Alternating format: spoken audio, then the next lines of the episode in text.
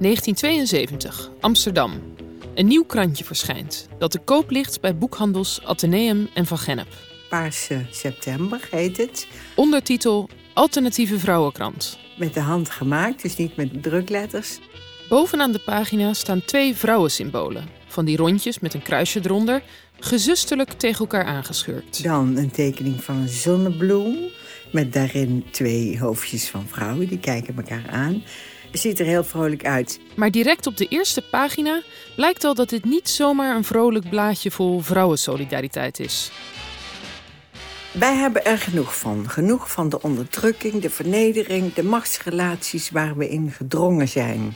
Het is een opruiend pamflet. Wij geloven niet meer in feministen die hun heteroseksualiteit niet principieel willen opgeven.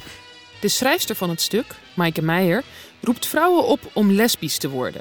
Of zoals ze het zelf verwoorden, in een zin die nog jaren zou nadreunen in feministisch Nederland. Homoseksualiteit is een politieke keuze die vrouwen maken als ze het serieus menen met hun feminisme. Yeah!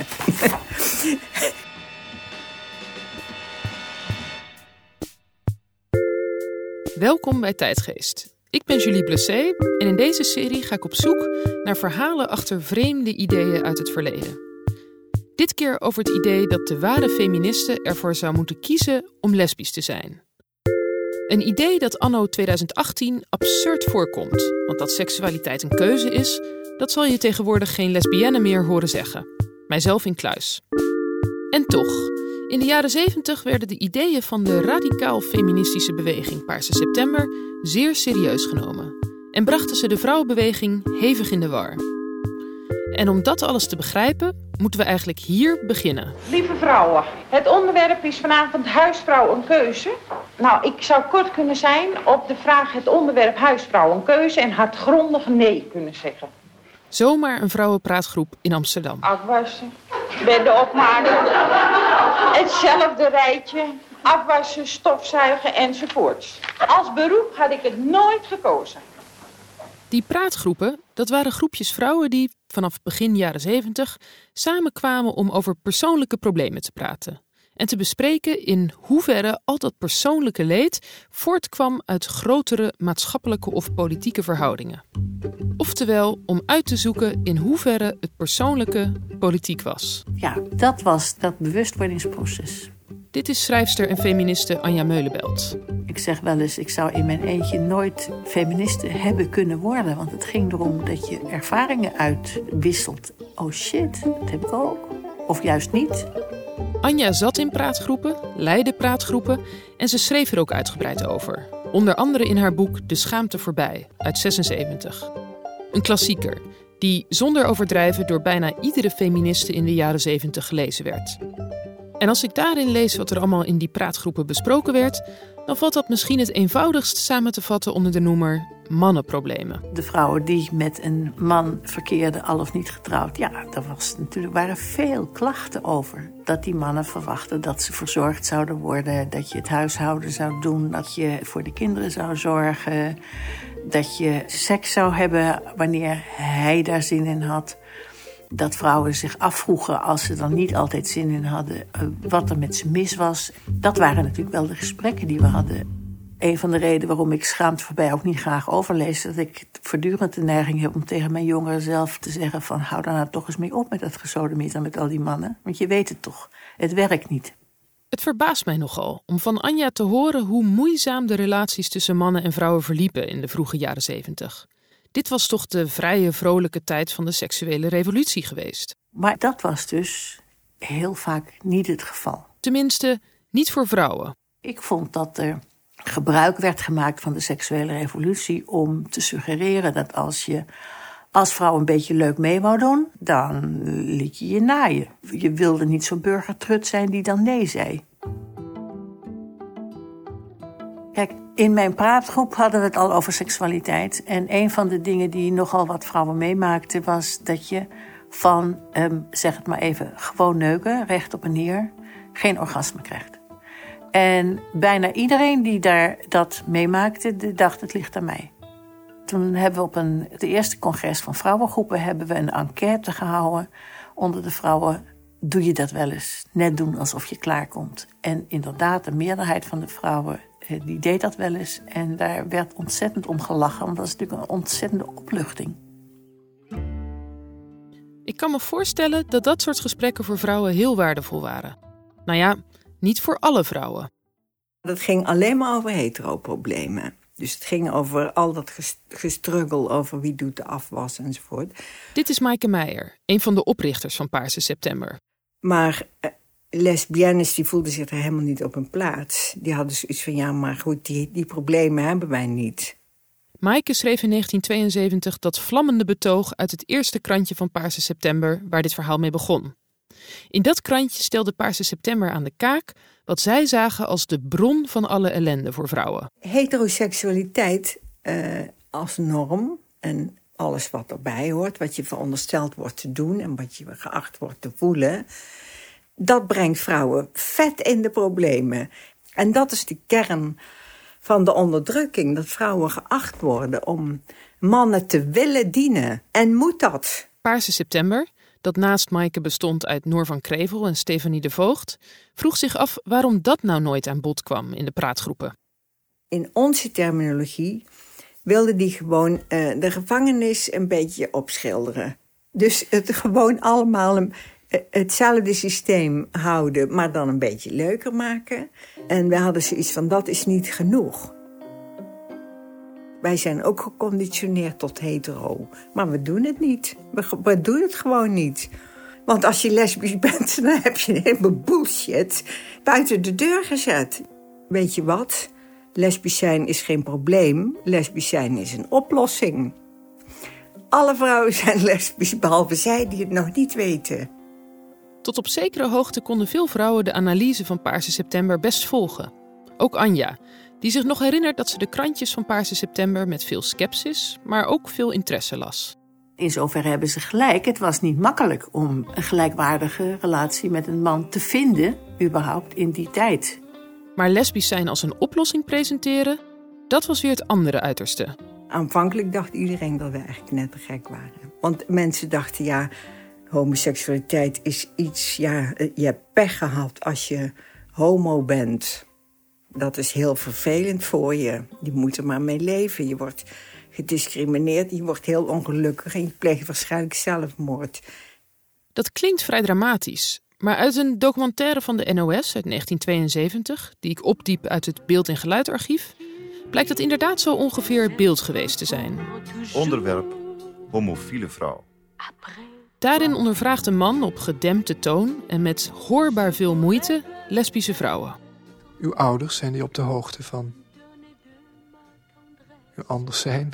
Sommige van deze vrouwen, allemaal anoniem, zeggen dat ze hun zogeheten anders zijn als neutraal feit accepteren. Als iets wat uh, gewoon bij me hoort, evenals het feit dat ik blond ben. Maar de meeste vertellen van verbroken huwelijken, verloren contact met ouders, weggenomen kinderen, tot zelfmoordpogingen en bezoeken aan psychiaters aan toe. Ik heb eerst laten verifiëren of ik zo was, in de hoop dat ik het niet was. Ik heb daarna gevraagd of ze mij hetero konden maken. Want ik kon het erg slecht gebruiken, vond ik zelf, binnen mijn huwelijk, eh, binnen mijn gezin. Eh, zij konden mij niet genezen. En pas na... Die tijd was echt heel repressief. Je kan je dat eigenlijk niet meer voorstellen. Het was ontzettend taboe. Dus ieder van mijn generatie, ik ben nu bijna 70, heeft iedereen ja, enorm moeten vechten om het uit te leggen aan zijn familie, aan zijn vrienden, aan zijn ouders. Uh, en, en aan zichzelf. Van dat je ze gewoon zo kon leven. En dan was er nog een probleem waar lesbische vrouwen mee kampten. Want zelfs binnen de groep waarvan je zou verwachten dat ze de belangen van lesbo's zouden behartigen, de vrouwenbeweging, voelden ze zich niet op hun plek. Nou ja, een van de eerste reacties die je altijd kreeg als een vrouw zei dat ze feministe was, was: Oh, dan ben je zeker lesbisch. Ze werden daar namelijk gezien als een bedreiging voor het imago. Ja, ik weet nog dat Dolomina, toen ze moesten kiezen welke vrouwen op de tv zouden komen, toch maar liefst niet de, de poteuze types wilde uh, naar voren schuiven. Want dat ze dachten van ja, dan denkt iedereen wat iedereen toch al denkt. Dat zijn allemaal lesbische vrouwen. Nou, dat past dus, uh, daar kan je zeggen dat is strategisch. Maar het is natuurlijk ook niet erg dapper eh, dat was kwetsend. En hetero-vrouwen vinden lesbiennes ook bedreigend om een andere reden. In een stuk van de Vrouwenkrant met de klinkende kop De pot verwijten staat dat sommige vrouwen zich in een praatgroep niet veilig voelen, omdat er ook lesbische vrouwen tussen zitten. Ik lees even voor. Onbeschrijfelijk wordt de ellende als na afloop een onbekend vrouwspersoon op je afkomt en plomp verloren zegt: Ga je mee?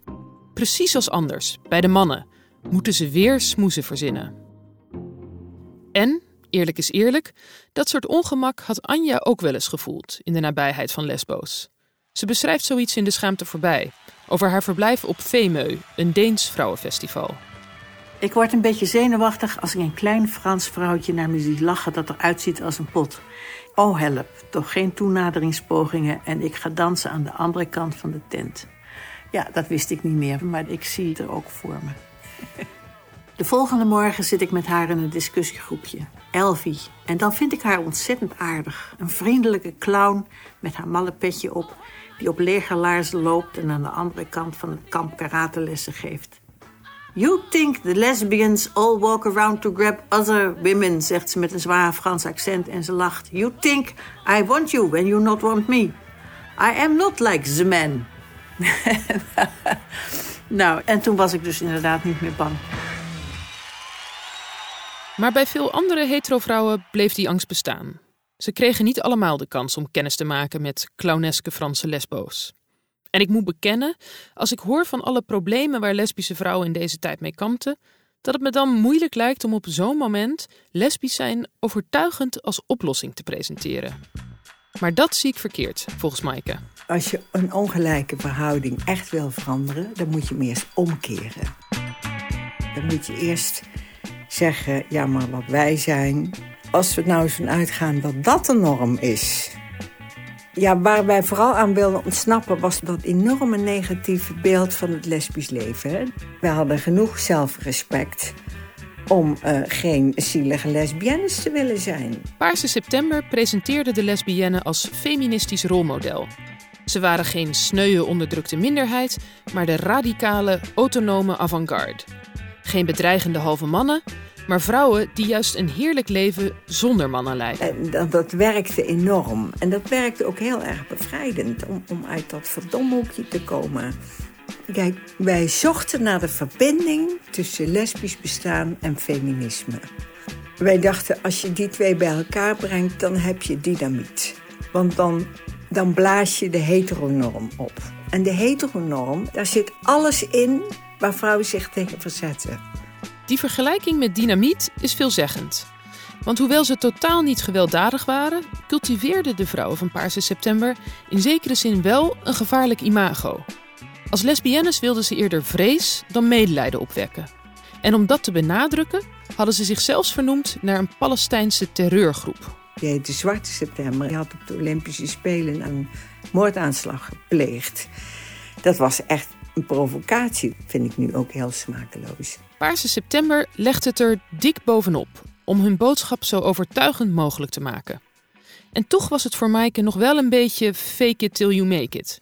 Ze geloofde wel in de boodschap die ze verkondigde, maar ze moest zichzelf er ook nog wel van overtuigen. Ja, het redde mij misschien ook wel van mijn verlegenheid. Het was voor mij een soort grote sprong voorwaarts. Want ik was heel aangepast. Ik zat verschrikkelijk onder de plak van mijn moeder. Maaike was in 1972 dan ook nog maar 22 jaar oud. Veel jonger dan de andere twee leden van Paarse September. Stefanie was 15 jaar ouder en Noor was 20 jaar ouder. Dus die hadden al heel veel meer leven achter de rug. Ik stotterde ook heel erg. Ik kon bijna geen zin uit mijn mond krijgen. Bibberend, stotterend meisje. Maar we konden het toch redelijk goed verdedigen. En uh, nou ja, het, het, was dus ook heel succesvol. En lesbisch zijn werd enorm populair. Dat lesbisch zijn in de jaren 70 populair werd, een soort trend, net als kaftans of tie-dye, dat klinkt wat vreemd. Maar het is een feit dat lesbische vrouwen, zeker in de grote steden, veel zichtbaarder werden. Mijn eigen educated guess is dat het grotendeels vrouwen waren die, nu ze voor het eerst hoorden dat lesbisch zijn ook leuk kon zijn in plaats van sneu, eindelijk uit de kast durfden te komen. Je hoort namelijk veel over deze zogeheten gehuwde homofiele vrouw in die tijd. Zo hield de Margriet er al in 1968 een enquête over. En die wees uit dat er waarschijnlijk 60.000 gehuwde vrouwen waren met wat ze homofiele aanleg noemden. 60.000. Het potentieel was er, wil ik maar zeggen. Maar minstens zo opvallend is dat veel feministische vrouwen, zelfs zonder homofiele aanleg, diep bij zichzelf gingen graven om er toch eentje te bespeuren. Ja, dat is het grappige. Er waren een aantal vrouwen die wilden eigenlijk ook graag lesbisch worden. En ook een van de kopstukken van de vrouwenbeweging koesterde lesbische aspiraties, zo vertelt ze. Dat wilde ik bij de vrouw in kwestie zelf nog wel even nagaan. Ik had geen aspiratie om lesbisch te worden. Uh, ik had wel een aspiratie om eens te kijken hoe dat was. Je hoort Hedy Dancona. Ja, als dat zo aantrekkelijk was voor een zienlijk aantal mensen om me heen, die voorheen toch duidelijk heteroseksueel waren, dan wou ik dat ook eens meemaken. En dat heb ik ook wel eens meegemaakt. En dat vond ik ook heel leuk. Uh, maar ik had geen neiging om me voorgoed te bekeren. Het klinkt nogal opmerkelijk dat zoveel vrouwen zich plotseling gingen afvragen of ze toch niet misschien lesbisch waren. Maar Hedy kan het wel verklaren. Er was eigenlijk voor die tijd nauwelijks een vrouwelijke seksualiteit. Er waren mannen, er was mannelijke seksualiteit. Aandacht voor die vrouwelijke seksualiteit, dat, dat was toch echt iets nieuws. Om verliefd te zijn, om klaar te komen. Ik denk dat daar voor die tijd nooit over gesproken werd. Dat werd uitgevonden door de vrouwenbeweging. De vrouwelijke seksualiteit als uitvinding van de vrouwenbeweging. Het is een grappig idee. En het sluit ook aan op wat ik van Anja hoorde over de praatgroepen. Dat dat plekken waren waar vrouwen zich fundamentele vragen stelden over wat het betekende om vrouw te zijn. Wie waren ze eigenlijk, als ze niet uitgingen van de vraag wat de maatschappij van ze verlangde, maar van wat ze zelf wilden? Wat er toen gebeurde in die vrouwenbeweging, dat verontrustte mannen zeer. Dat uh, vonden ze best een beetje griezelig. Dat die vrouwen niet liever een man hadden. En zo kon het dat binnen een paar jaar lesbiennes niet meer werden gezien als vrouwen die op zijn best getolereerd moesten worden binnen de vrouwenbeweging, maar juist als gezaghebbende autoriteit. Na Spaarse September, het drievrouwschap wat dit alles in gang had gezet, ontstond er een nieuwe, steeds grotere lesbische beweging. Het sloeg enorm aan. Er ontstonden vrouwencafés. Wij hielden bijeenkomsten. Vrouwenboekhandels. Deden ook mee aan demonstraties. Vrouwen trokken met spuitbussen door de stad om de tekst liever lesbisch op de muren te spuiten. We hebben dus een aantal krantjes geschreven en die werden druk gelezen. Er werden feesten georganiseerd. Lesbische weekendjes weg. Met z'n tweehonderden en dan gingen we van allerlei dingen doen. Stijldansen, fietsen maken. En ze organiseerden zelfs groots opgezette vrouwenfestivals. Paarden ook in het Amsterdamse Vondelpark. Hier bereden door zo uit de oudheid opgedoken Amazonen... die daarmee hun onafhankelijkheid willen bewijzen... in een door mannen geregeerde maatschappij. Aan een van die festivals werd een polygoonjournaal gewijd. Behalve de kamermuziekgroep Het Uitstrijkje... trad in het Vondelpark ook dit tweetal op... onder de naam The Shit Sisters... Op het einde van de reportage komt een van de organisatoren van het festival even aan het woord. Mieke van Kasbergen. Voor de toekomst stellen we ons voor dat er dit jaar één dag festival is, volgend jaar twee dagen festival. In 365 jaar bereiken we dus een uh, doorlopend festival.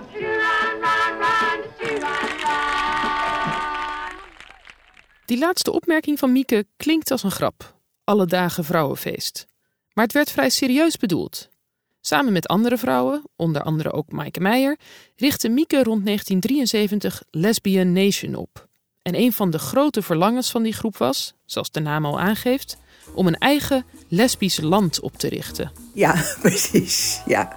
Nee, dat was heel serieus. Die wilde zelf een eiland kraken ergens en daar gaan wonen met z'n allen.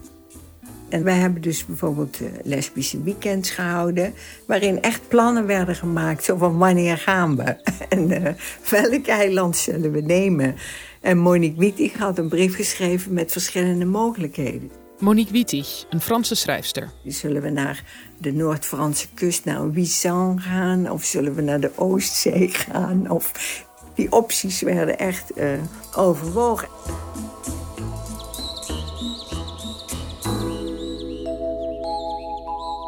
In Amerika en Canada werden de plannen zelfs al in de praktijk gebracht. Facties met namen als de Clit Collective, de Furies, de Seps Separatists Enraged, Proud and Strong, en de Van Dykes probeerden op het platteland of in steden hun eigen manloze mini-maatschappijtjes op te richten. En ja, wat is een revolutie zonder revolutionaire liederen?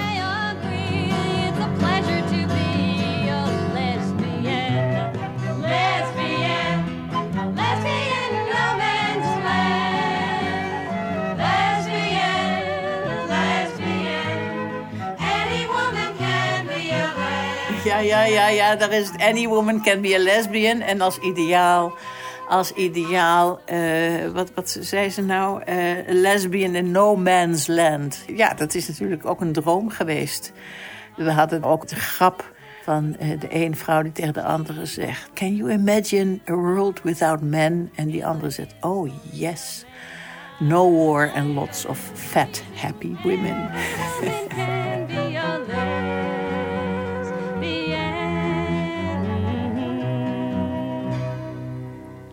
Ik word erg vrolijk van al deze mooie verhalen.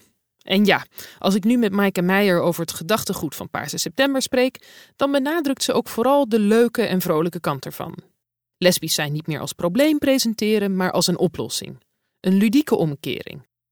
Maar Maaike geeft zelf ook toe dat er zelfs achter die frase lesbisch zijn is een oplossing ook een veel dwingender, beschuldigender idee schuil ging. Ja, het was, uh, wat doe je nog? Uh, waarom ben je hetero? Uh, denk daar eens over na. Uh, hoe komt dat? Moet dat eigenlijk wel? Dus uh, hetero vrouwen voelden een bepaalde druk op zich om zich te verantwoorden. Ja, wij, wij maakten de politieke analyse ineens heel persoonlijk. If you are not part of the solution, you're part of the problem. Dat was een slogan die we van de Black Panthers hadden. En die betekende dus eigenlijk: als je niet kiest voor lesbisch zijn, dan hou je het systeem van vrouwenonderdrukking in stand. Dat ze die frase van de Black Panthers leende, is veelzeggend. Paarse September was geïnspireerd door de radicale zwarte beweging uit Amerika. En allebei vonden ze dat samenwerken met de onderdrukker, of die nou wit was of man, geen enkele zin had. En ja, eh, slapen met mannen is slapen met je onderdrukker. Dat doe je niet, weet je. Dus dus de, de zaak keerde echt helemaal om. En het was op een gegeven moment ook zo dat lesbisch zijn werd op een gegeven moment ook een nieuwe norm. Wat ik me nog herinner was uh, gekwetste gevoelens. Hoe kunnen mensen nou vinden dat je geen feministe kan zijn omdat je een relatie hebt met een man? Op een gegeven moment moest je je echt verantwoorden als je nog hetero was. Of als je bi was bijvoorbeeld, dan verraadde je de zaak al helemaal. Gaf les aan vrouwengroepen. En toen merkte ik ook wel dat een keertje een vrouw binnenkwam stappen en zei dat ze ging trouwen, dat dat toen een soort pijnlijke stilte viel. Want er was een soort ongeschreven wet. Uh, als je dan nog eentje thuis hebt zitten, mag je die wel houden, maar je begint toch niet aan een nieuwe. Dus dat was wel ook een beetje uh, een sfeer. Er was een feministe die heette Hanneke Paardenkoper.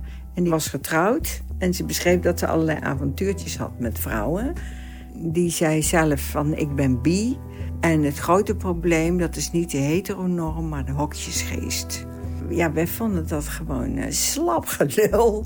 Van, uh, uh, dus daarmee adresseer je niet de heteronorm om, in je, om, om een beetje te gaan avontureren met vrouwen. Het is geen politiek denken. Dus daar hebben we wel gehakt van gemaakt. En ik, ik weet wel, die hebben we echt ja, het waren van die Gerrit Komrij manieren om iemand... Uh, om een soort karaktermoord op iemand te plegen. Nee, dat, uh, daar ben ik niet trots op, nee.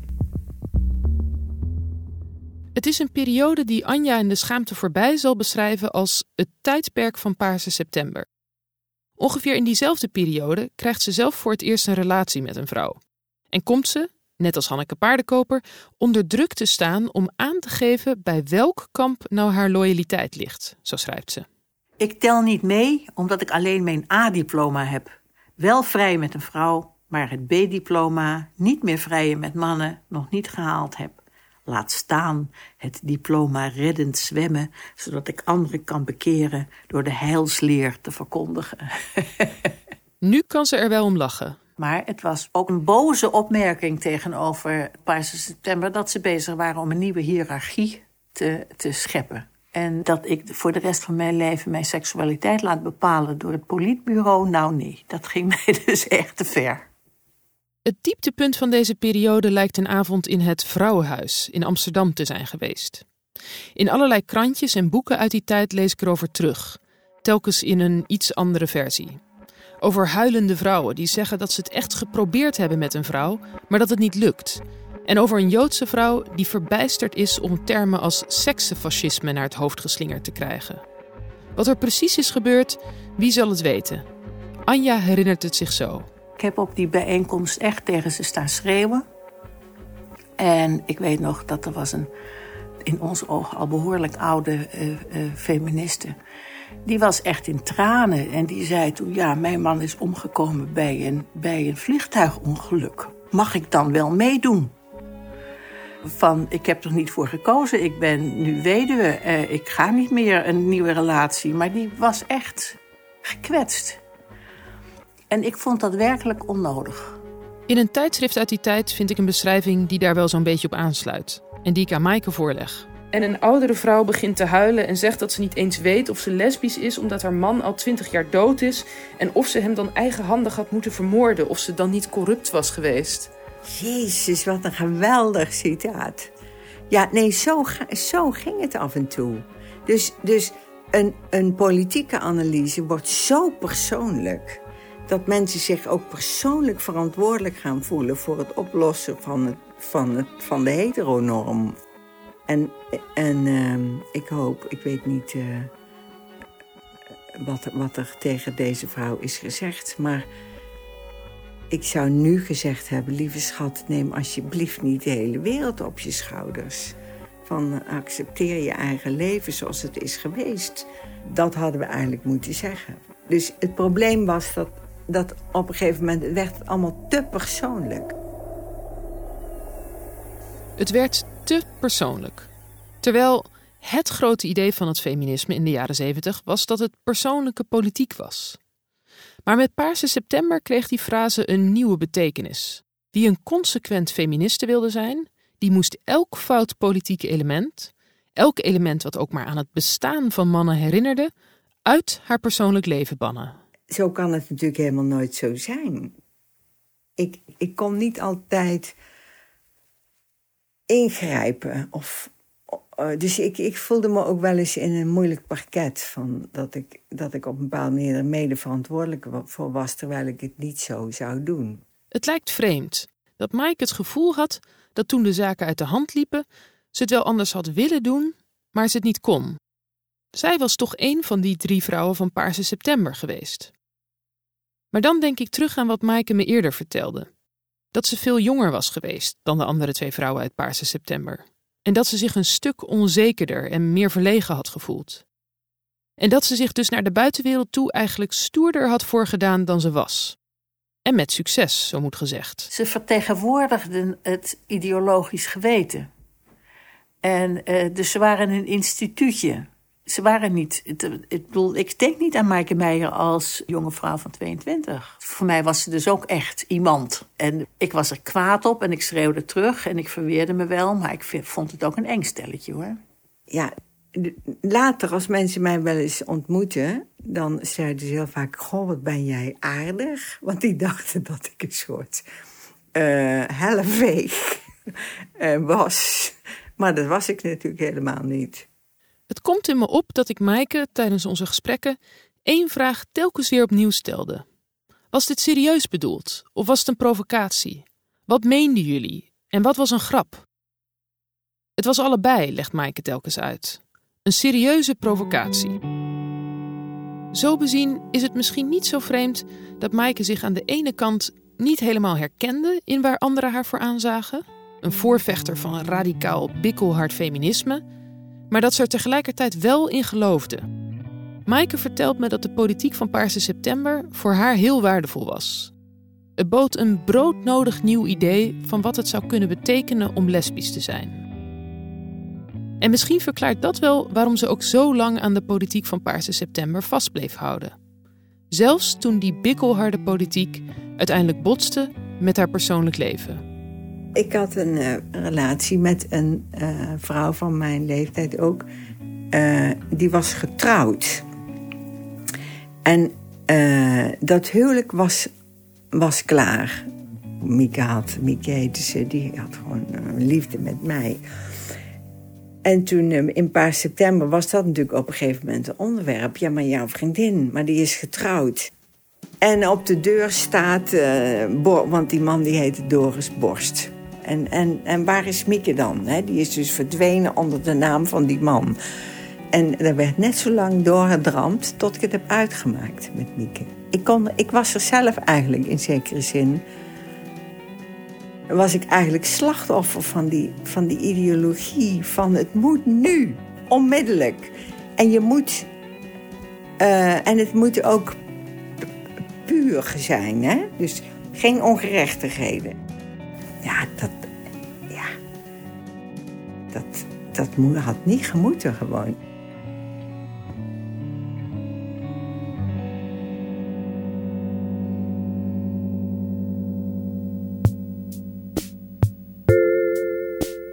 Je hebt geluisterd naar Tijdgeest, een serie van de VPRO en Sola Parola. Mogelijk gemaakt door het Mediafonds. Arno Peters deed de techniek en de Tijdgeestdeun werd gemaakt door Jara Holdert. En ik ben Julie Blessé. Heel veel dank aan Maaike Meijer, Anja Meulenbelt en Hedy Dancona. En ook aan een paar mensen die niet te horen waren in het verhaal, maar me wel hebben geholpen achter de schermen. Voor zover je bij Radio van Achter de Schermen kan spreken. Het gaat dan om historica Anna Thijsseling en om Irene Costera Meijer, auteur van het boek Het persoonlijke woord politiek. En ook dank aan Atria, het Kennisinstituut voor Emancipatie en Vrouwengeschiedenis.